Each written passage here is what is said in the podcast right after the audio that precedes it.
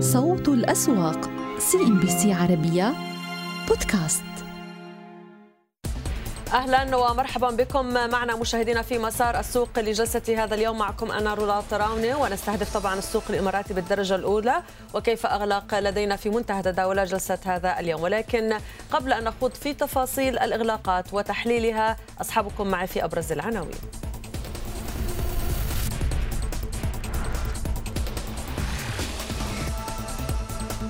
أبو ظبي التجاري يرتفع لأعلى مستوياته في أسبوع بعد الإعلان عن ارتفاع أرباح البنك 32% بالربع الأول. وسهم اتصالات يغلق عند أدنى مستوياته في الشهر رغم ارتفاع أرباح المجموعة بنسبة 4% على الرغم من ارتفاع أرباح الشركة بنسبة 87% بالربع الأول سهم صناعات قطر يهبط بأكثر من 2% مسجلا أسوأ أداء يومي له في أسبوعين. الرئيس التنفيذي بالتكليف لمجموعة بيت التمويل الكويتي يكشف لل CNBC عربية عن تنفيذ تخارجات بقيمة 28 مليون دينار ويؤكد أن نسبة التمويلات غير المنتظمة بلغت 1.4%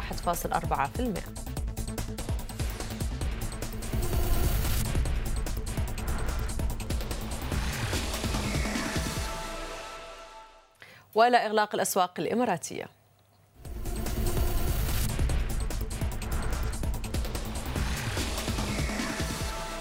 مؤشر سوق دبي سجل لدينا مكاسب بنهاية الجلسة بثلاث أعشار النقطة وأغلق عند 3665 نقطة. أبو ظبي FTSE تراجع بشكل طفيف و FTSE 15 بقي على الحياد تقريبا. أما عن الأعلى وزنا ومدى تأثيرها في جلسة اليوم في سوق دبي فنمر عليها تفصيلا. لدينا إعمار العقارية ارتفع 16 النقطة. بنك دبي الإسلامي 18 من المكاسب. بنك الإمارات دبي الوطني ارتفع بثلث النقطة. أكبر رابحين لدينا في دبي مع نهاية التداولات. الإمارات المرطبات بالليمت أب دبي الوطني للتأمين 14% الوطنية الدولية 10% الرمز الاستثمار والتطوير والاتحاد العقاري جمعة وجاءت على مكاسب والخسائر طالت لدينا كل من. العربية للطيران 2% أمان. إعمار للتطوير الخليج للملاحة وأملاك كانت على تراجعات سوق العاصمة الإماراتي أبو ظبي وكيف تأثرت الأوزان الأثقل على المؤشر أبو ظبي الأول احتفظ بهدوء طبعا نسبي اتصالات تراجع ب 17 نقطة خفف من تراجعاته على الرغم من إعلان الشركة عن ارتفاع في أرباحها في الربع الأول العالمية القابضة تراجع ب 20 النقطة المئوية. أما عن أكبر الرابحين في نهاية الجلسة وكان لنصيب كل من إسمنت الفجيرة مكاسب بالليمت أب أم القوين 5% أبو ظبي الوطنيه لمواد البناء 4% بنك أبو ظبي التجاري والواحة سجلت لدينا مكاسب. طبعا أبو ظبي التجاري ارتفع لاعلى مستوياته في أسبوع. أما الخسائر فقد طالت ARAM Group ب 8% Easy Lease بحدود خمسة ليس طبعا بحدود 5% بنك رأس الخيمة الوطني الوطني للسياحة والفنادق وقميثه كانت على تراجعات. في آخر الأخبار ارتفعت أرباح اتصالات الإمارات في الربع الأول من العام الجاري بنسبة 4% على الأساس السنوي لتصل إلى مليارين و400 مليون درهم مقارنة بأرباح كانت قد حققتها الشركة في الربع الأول من عام 2021 بلغت مليارين و300 مليون درهم. كما وارتفعت إيرادات الشركة في الربع ذاته بنسبة 1% على أساس سنوي لتصل إلى 13 مليار و300 مليون درهم. مقارنة بإيراداتها بإيرادات كانت قد حققتها الشركة بلغت 13 مليار و200 مليون درهم في الربع الأول من العام الماضي. هذا وارتفع عدد المشتركين بنسبة 2% في الربع الأول لتصل إلى 129 مليون مشترك. وكانت عمومية الشركة قد وافقت في وقت سابق من هذا الشهر على توزيع أرباح نقدية بواقع أربعة فلوس أو 40 فلس للسهم. اتصالات الإمارات تراجع ب 17 نقطة.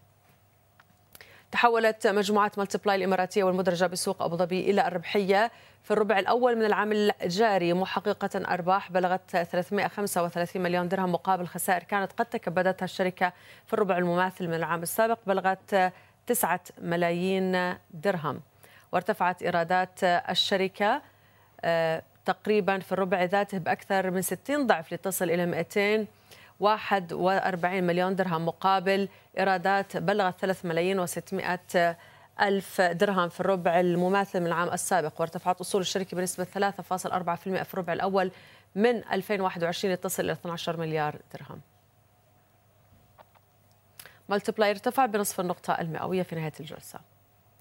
تراجعت أرباح الصيل الإماراتية والمدرجة بسوق أبو ظبي في الربع الأول من العام الجاري بنسبة 88% لتصل إلى 9 ملايين درهم مقابل أرباح كانت قد حققتها الشركة في الربع المماثل من العام السابق. بلغت قرابة 76 مليون درهم وانخفضت إيرادات الشركة في الربع ذاته بنسبة 29% على أساس سنوي لتصل إلى 121 مليون و600 ألف درهم مقابل إيرادات بلغت 121 مليون درهم في الربع الأول من 2021 الصيل المعدات ارتفع في نهاية الجلسة ب 19 نقطة المئوية.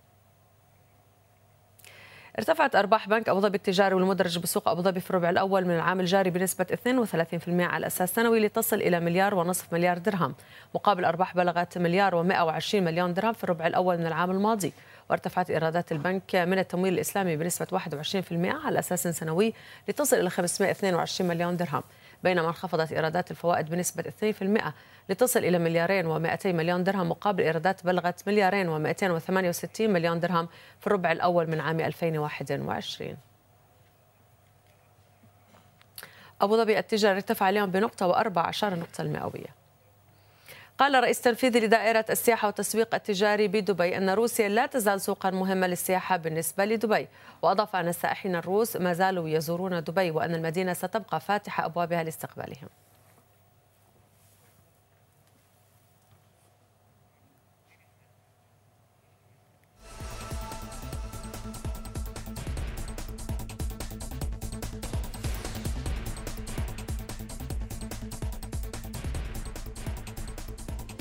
ونبقى في تحليل أداء الأسواق الإماراتية مع ضيفي في الاستوديو السيد حسام الحسين عضو الجمعية الأمريكية للمحللين الفنيين. أهلا ومرحبا بك معنا سيد حسام. نقف بداية على تقييم سوق دبي وأبو ظبي في يعني مع مجموعة الأسواق الخليجية. كيف تقيم أداؤه خلال هذه الفترة أو الربع الأول؟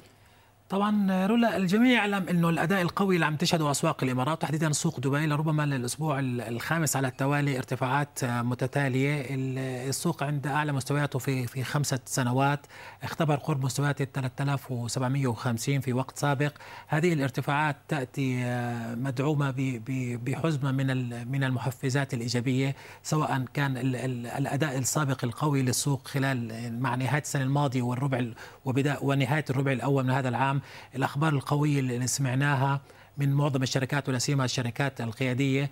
سيطرت الأسهم القيادية ذات الوزن الكبير على المؤشر على حركة المؤشر يعني عم نحكي عن أداء قوي لإعمار أداء قوي لدبي الإسلامي أداء قوي للإمارات دبي الوطني. الأخبار اللي عم نسمعها حتى اللحظة مبشرة جدا. عم تعطي عم تعطي زخم إيجابي القطاعين اليوم عم بيستفيدوا بشكل كبير من من من, من الأخبار اللي عم عم عم نسمعها سواء كانت على مستوى الاقتصاد أو على مستوى القطاعات. اليوم القطاع البنكي مؤهل فوق العادة لإضافة المزيد من المكاسب لأرباح البنوك. القطاع العقاري وخصوصا لما نتحدث عن شركة مثل إعمار في في دبي راح تكون من أكبر الشركات الممكن انها تستفيد بالأخبار المتعلقة بالاقامات الجديدة التصريحات الأخيرة اللي سمعناها من من رئيس الشركة بالنسبة لتوقعاته للأرباح. حتى الآن حتى السعر الحالي للسهم أنا برأيي الشخصي كتقييمات ما زال يمكن إنه مؤهل لمزيد من من من المكاسب. فجميع العوامل اليوم موجودة في سوق دبي. يعني عم تعطينا إنه السوق مؤهل فوق العادة إنه ربما حتى عودة اختبار كمان مرة فوق ال 3700 واحتمال كبير إنه حتى انه إنه يخترقها. طيب مع قرب انتهاء يعني فترة ومهلة إعلان نتائج الربع الأول كيف تقيم ردة فعل السوق تجاه نتائج الأعمال؟ على الأقل اليوم عم نتحدث عن القطاع البنكي نتحدث عن القطاع العقاري. شو رأيك بردة فعل السوق تجاه الإعلان عن هذه النتائج؟ يمكن لربما يعني هي حتى الآن عم عم بتكون شوي متفاوتة لربما لأكثر من عامل. فمثلا إحنا بنعرف كمان اليوم إحنا آه، على مشارف آه، عطلة إجازة طويلة. مش عم نشوف كثير ناس عم يبنوا مراكز أو عم بيخصموا الأخبار بشكل بشكل قوي. إيه، رأينا مثلا أبو ظبي التجاري اليوم لا كان في عليه ردة فعل إيجابية ولكن باعتقادي على استحياء يعني ما جت بأحجام تداول كبيرة أو بارتفاعات آه، قوية. اتصالات لا ما ما ما شهد عمليات تدوير كبيرة أو دخول مضارباتية أو أو سيولة قصيرة الأمد. في في أوقات سابقة كان السوق أيضا إنه يخصم مثل هذه الأخبار والدليل كان إنه تفوق الأسهم القيادية اللي كان متوقع إنه نتائجها تكون كويسة وفي في كلا السوقين. فهناك يعني توقعات وخصم لمثل تلك الأخبار نعم. اللي خلتنا إنه مؤشر سوق أبو ظبي يختبر أعلى مستوياته التاريخية عند 10200 كما هو الحال في في سوق دبي حتى اللحظة فالسوق كان عماله يخصمها نعم. ولكن لربما بسبب الاجازه اللي جاي ممكن ما نشوف عمليات خصم كبيرة وهذا لا يعني إنه سوق مش حيقوم بخصمها لاحقا عندما نعم. يعني عندما يعود يوم الخميس القادم إن شاء الله فالاخبار إيجابية اللي عم نسمعه لهلأ متفائلين فيه بعض الشركات يمكن عم عم تعطينا أرباح أكثر ما توقع زي أبو ظبي التجاري القطاع البنكي زي ما حكينا مؤهل إنه تكون مكاسبه كويسة سواء على الربع الحالي أو حتى الأرباع القادمة نعم. القطاع العقاري خصوصا الأسهم القيادية متوقع إنها تستفيد بشكل كبير. طيب آه، إذا ما نظرنا اليوم عن للفرصة التي آه، طبعا آه، الفرصة التي تحققها الشركات الإماراتية على ال MSCI. اليوم أكثر من ذي قبل لأنه مع خروج وتعليق التداول على الأسهم الروسية أصبحت فرصها upgrade يعني بيحدث بشكل أوتوماتيكي لها وللاسهم القطرية والسعودية وغيرها. فاليوم نظرة الأجانب لها مختلفة تماما أي الأسهم الإماراتية. المراجعة ستكون في مايو وتطبيقها في آه، شهر ستة. وبالتالي هذه الفترة ستشهد ربما سيولة وزخم كبير جدا. هل ممكن نسمع إنه DEWA أيضا ستكون مرشح قوي جدا إحنا من قبل سمعنا هذا الكلام يعني وقت وقت الاكتتاب نفسه كان هناك حديث خصوصا من قبل المؤسسات إنه DEWA قادمة لا محالة باعتبار وزنها ورأس مالها قادمة لا محالة إلى مؤشر ال MSCI اليوم كمان عمالنا بنحكي بسبب إنه زي ما تفضلتي حصة روسيا راح توزع على الأسواق الأخرى. فان كان هناك جزء سوف يخصص إلى أسواق الإمارات وتحديدا لسوق دبي فبالتأكيد DEWA سوف تكون المستفيد الأكبر وما سيحصل على DEWA سوف يشجع أو يعطي انطباع لما سوف يكون عليه الحال على الاكتتابات الأخرى اللي هي بشكل أو بآخر مشابهة ل DEWA من حيث من حيث ال structure. فبالتالي DEWA متوقع أنها تستفيد بشكل بشكل كبير كأول سيول يعني ك كإدراج مبدئي وربما في حالة زيادة السيوله المخصصة سوف تكون من المستفيدين بشكل كبير. لربما الشيء برضه الملاحظ آه، كان في أسواق في أسواق المنطقة بشكل عام وفي أسواق الإمارات بشكل خاص طريقة تحركات السيول الأجنبية في في الوقت الأخير. فكان آه، لاحظنا إنه قبيل قبل قبل الحرب الروسية كانت هناك استفادة واضحة من لأسواق المنطقة من السيول الأجنبية. في ذلك الوقت كانت بسبب ارتفاع أسعار البترول والخوف من التضخم وشفنا كثير سيولة عمالها بتفوت. بعد حتى الدخول بعد بعد الحرب رأينا يمكن لأول مرة من فترة طويلة إنه في سيولة عمالة بتستهدف سيولة أجنبية مؤسساتية عمالة بتستهدف أسواق المنطقة بسبب إنه الانخفاض اللي شهدته أسواق المنطقة من حيث معدل التأمين على المخاطر. يمكن لأول مرة يمكن تكون أول مرة بالتاريخ إنه منطقة الشرق الأوسط وتحديدا منطقة الخليج انخفضت فيها آه، انخفضت فيها مؤشر التأمين نعم. على على المخاطر بتقريبا 15% بينما في مستوى على جميع دول العالم كان هناك ارتفاعات ارتفاعات كبيرة في في هذا في هذا المؤشر فبالتالي عم عمالنا بنشوف سيولة أجنبية عمالة تستهدف المنطقة فقط كتحوط لما يحدث في في العالم هذه السيولة إنها بتيجي في وقت إنه سوق منتعش وفي حالة يعني اتجاه وزخم إيجابي عمالة تضيف إلى إلى هذا الزخم بشكل كبير نعم. وعمالها بتكون مرات إنه عم تمنع السوق إنه يتجاوب سلبا مع اي نعم. مع أي انخفاضات تحدث بالأسواق العالمية سواء أسواق أو تراجع أسعار النفط شكرا نعم. هذا نعم. السبب باعتقادي الشخصي طيب. خلينا نرجع لنتائج الأعمال الأخيرة وأنا كما ذكرت قبل قليل بأنه هو يعني في نهاية يعني الفترة المحددة والمهلة لاعلان النتائج. اتصالات ارتفع ارتفعت الأرباح عندنا بشكل جيد 4% ومع ذلك السهم سجل آه، تراجع هو الأقل من حدود شهر، لماذا ردة الفعل هذه على السهم؟ أنا باعتقادي أكثر من سبب آه، رولا، أول شيء السهم في الفترة الأخيرة كان هناك عليه ارتفاعات لربما تكون غير مبررة، شفنا السهم في في الأسابيع الماضية يختبر أعلى مستويات حققها قرب مستويات ال 39 درهم وما كان عليه يعني أخبار أخبار كبيرة. السهم بالفترة الماضية بسبب الأخبار الكبيرة من من بداية السنة الماضية آه، شهد ارتفاعات قوية وملحوظة. اليوم لما الكل عماله بيحكي إنه قدرة الشركة على خلق أرباح أو نمو في الأرباح بشكل كبير يبرر الأسعار الحاليه لحد الآن المستثمرين مش كثير متفائلين انه إنه إنه تكون نسب النمو في الأرباح عالية جدا. اليوم عم نحكي عن 4% مش متوقع إنها تزيد عن عن هذا الحد بشكل كبير. اليوم عم نحكي كمان عن عن مكررات فوق ال 33 مرة. العوائد اللي صارت على السهم اليوم عند هذه الأسعار عم نحكي تقريبا الثلاثة ونص مقارنة في في في. في اليلد التاريخي للسهم. فأنا باعتقادي إنه السهم لربما يكون عليه من الصعب جدا انه إنه يخترق هذه المستويات. فهو مرشح بشكل أكبر إنه يعني يستمر في حركته العرضية وممكن حتى نشوف عليه بعض يعني بعض عمليات جني الأرباح. ممكن ترجعوا كمان مرة المستويات ال 30 32 درهم. ممكن إنه يثبت هناك بعدين نشوف. طبعا حركة سهم اتصالات قوية على المؤشر. فبالتالي أنا أتوقع شخصيا إنه حتى المؤشر العام لسوق ابو ظبي يعني يستمر في تذبذباته عند هذه المستويات. في الوقت اللي راح نشوف فيه سوق دبي لا ممكن إنه يستفيد بشكل أكبر. يعني يكون عليه ارتفاعات آه، ملحوظة مقارنة لما سوف يكون عليه الحال على المؤشر العام لسوق أبو ظبي. طب عندي سؤال يعني أنت تعلم هو ليس بيد الشركة ولا مجلس الإدارة موضوع إنه فتح باب التملك للأجانب. وإعطاء المساحة أكثر اتصالات كان من الأسهم المؤسساتية الإماراتية البحته ولكن صحيح. ان تم فتح نسبة تملك الأجانب أصبح أيضا نطاق الحر للتداولات وحرية طبعا الخروج والدخول على الأسهم دون قيود من قبل الأجانب حتى لتعديل مراكزهم الخارجيه وغيره. اليوم نتحدث بشكل عام في الأسواق الإماراتية، هل تعتقد إنه السوق آه، ظلمت الأسهم اللي فتحت باب التملك للأجانب لأنه كانت تحركاتهم فعلا في الآونة الأخيرة بيعية عندما كانوا يخافوا مما يحدث في المنطقة؟ لا خلينا نحكي هي أول شيء إحنا لا ننكر إنه السهم استفاد بشكل كبير منها خصوصا يعني سهم اتصالات كمثال حي استفاد بشكل كبير من فتحه للأجانب من من من زيادة وزنه النسبي على على مؤشرات ال MSCI راينا رأينا السهم تقريبا يعني صعد بأكثر من 100% من من معدلاته كانت القرب 18 درهم و20 درهم التاريخية. السهم تقريبا 100% ارتفاعاته بسبب بسبب هاي هاي الأخبار. لربما السهم أنا ما أعتقد إنه راح يكون عليه عمليات ضغوطات بيئية أو تخارجات قوية، السهم سوف يبقى من الأسهم المحببة لدى المحافظ سواء المحلية أو أو العالمية، السهم معروف جدا بانه سخي سخي بالتوزيعات، فحتى إن كانت هناك تراجعات تشهد الأسواق كلها راح يكون من من أوائل الأسهم اللي يعاد بناء المراكز عليها مرة أخرى. نعم أنا بعرف الدنيا رمضان ونشفنا ريقك يعني فبدنا نعطيك شوي. فرصة بكفي هيك. شكرا جزيلا لك سيد حسام الحسين وأنت عضو الجمعية الأمريكية للمحللين الفنية شكرا. صوت الأسواق CNBC عربية بودكاست. إذا ونذهب بكم إلى إغلاق البورصة في الكويت.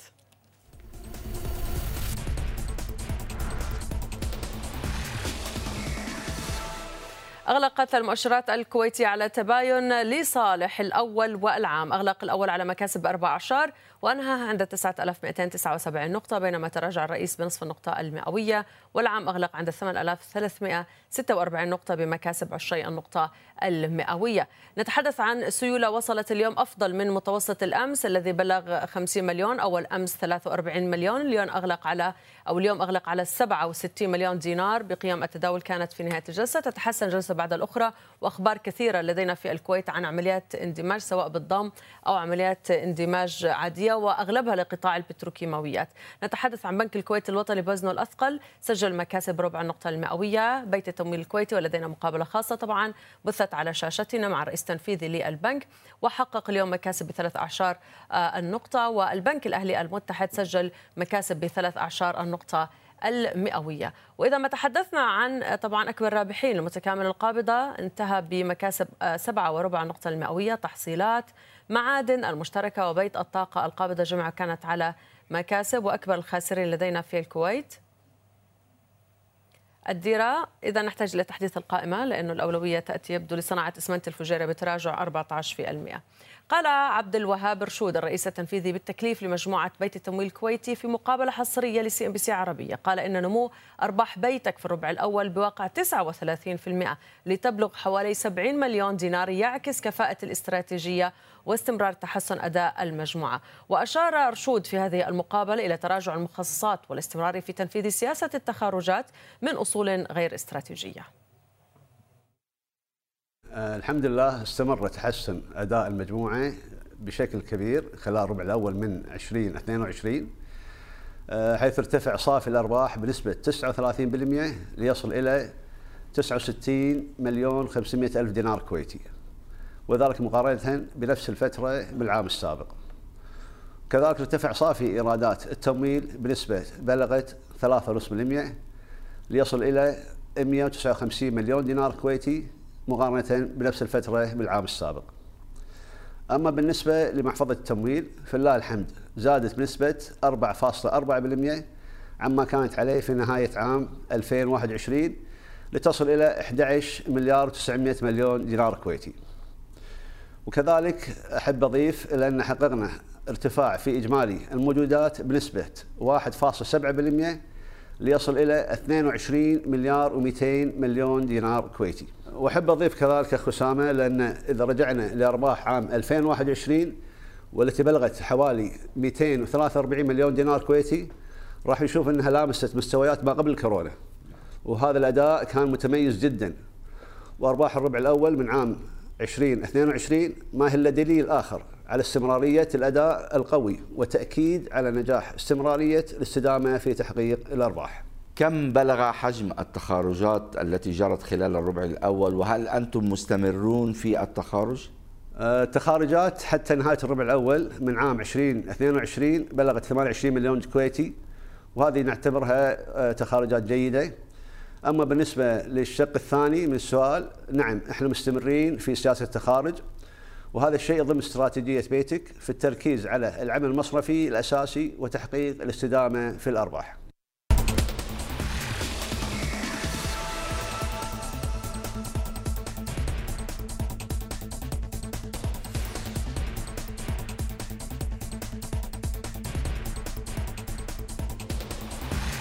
إذا مشاهدينا في قطر استطاعت السوق أن تنهي الجلسة بالمكاسب ولكن السوق خسر الحاجز النفسي عند المقاومة عند ال 14 ألف نقطة على الرغم من أنه يتبقى جلسة واحدة يوم الأربعاء أي يوم الغد هو اليوم الأخير لنهاية مهلة الإعلان عن نتائج الربع الأول. وننتقل طبعا إلى حال السوق. السوق في قطر كالسوق في الإمارات تنتظر أيضا مراجعة ال MSCI في شهر مايو وتطبيقها في شهر طبعا يونيو. ولكن أذكر أنه في شهر واحد عندما كانت المراجعة الأخيرة بلغت التداولات والسيولة حدود ال 40 مليار بينما هي تعطي في الربع كامل أو في السنة كامل أو في الربع كامل حدود المئة. فنتحدث عن توقعات قوية بارتفاع السيولة في حال تطبيق المراجعة. بالنسبة لمجموعة QNB سجل لدينا مكاسب في نهاية الجلسة. كما لاحظنا مصرف قطر الإسلامي ارتفع بواحد في المئة بينما تراجع صناعات قطر بنقطتين وثلاثة أعشار نمت أرباح مجموعة إزدان القابضة القطرية في الربع الأول من هذا العام بنسبة 4.3% إلى نحو 154 مليون ريال بدعم من زيادة إيرادات الإيجارات بنسبة 21% وتأثرت الأرباح الربعية للشركة بتراجع توزيعات أرباح من شركات مستثمر فيها بأدوات حقوق الملكية بنسبة 20% إلى جانب ارتفاع تكاليف التمويل بنسبة 9.5% إلى نحو 185 مليون ريال. إزدان القابضة تراجع بفارق 1% في نهاية التداولات.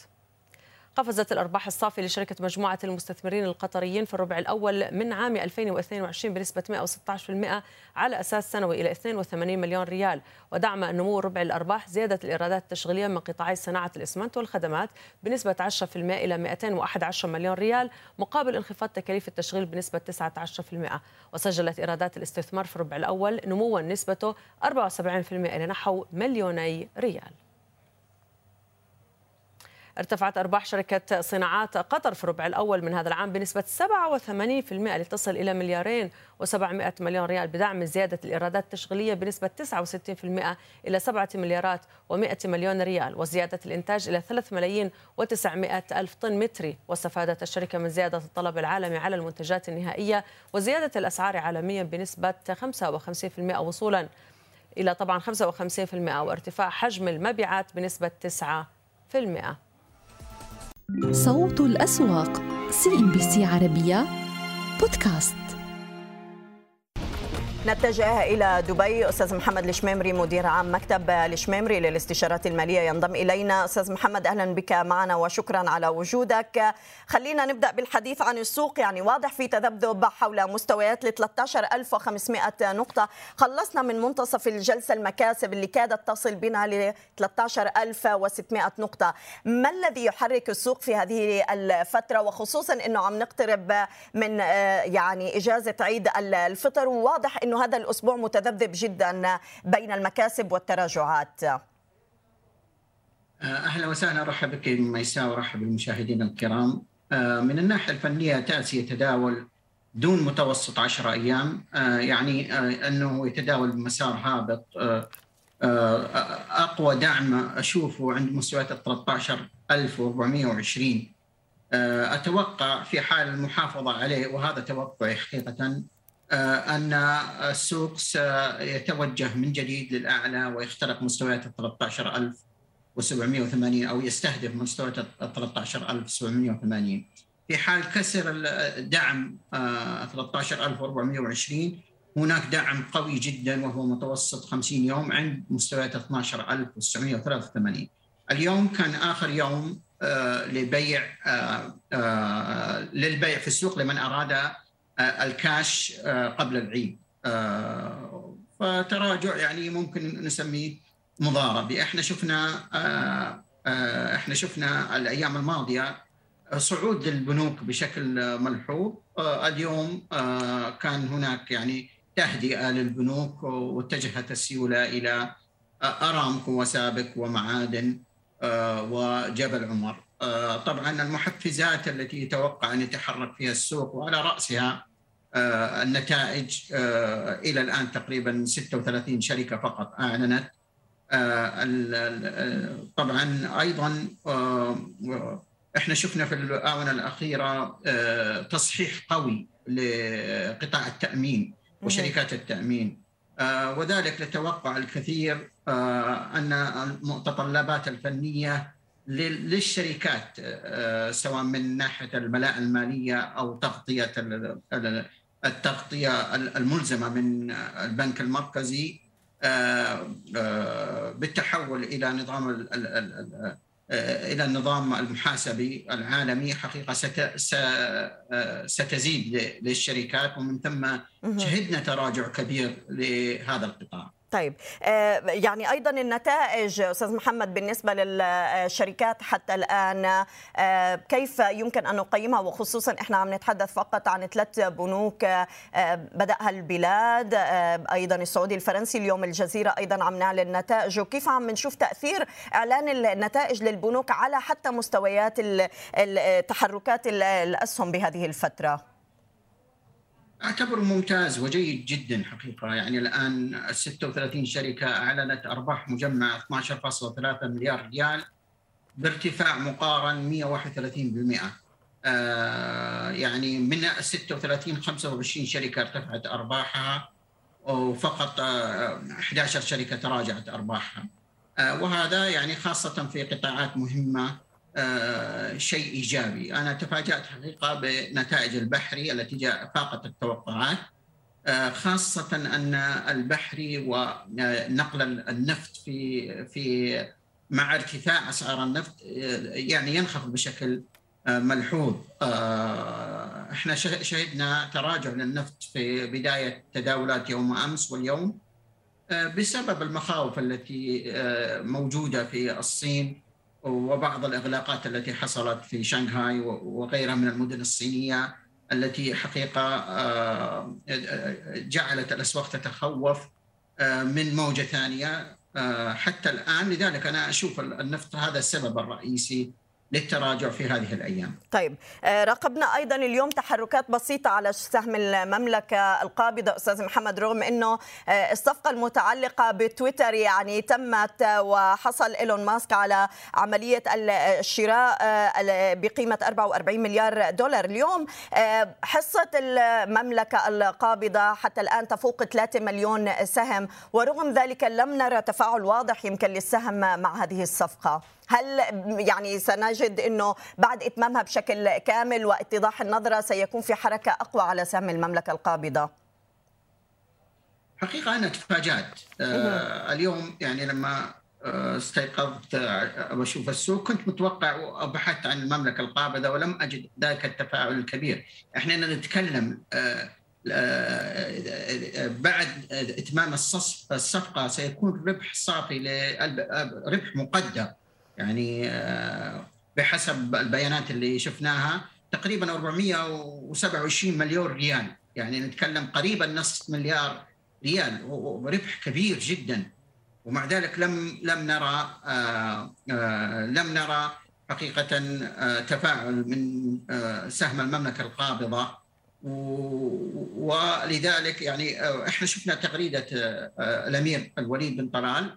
أنهم رفعوا ملكيتهم حتى في تويتر إلى 5.2% آه، لذلك حقيقة أنا متفاجئ يعني ليش ما آه، يعني تفاعلت سهم المملكة. نعم.